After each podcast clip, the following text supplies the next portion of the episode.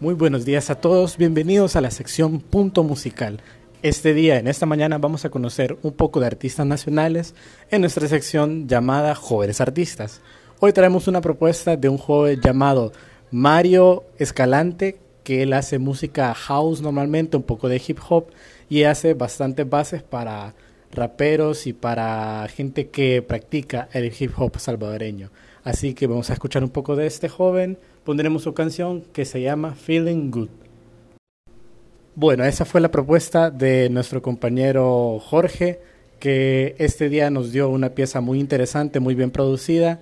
Y bueno, para continuar con este programa tenemos un poco también de noticias, acontecimientos, pues resulta que la Asamblea, ya aprobó una propuesta de ley para el arte nacional, para la propagación de este, a través de festivales anuales y que sean obligatorios para empresas culturales.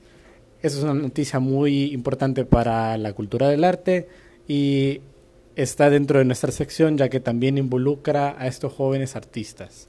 Vamos con una pequeña pausa, una canción y regresamos. Eso fue todo por el día de ahora. Les saluda Fernando Guardado. Nos escuchamos a la próxima.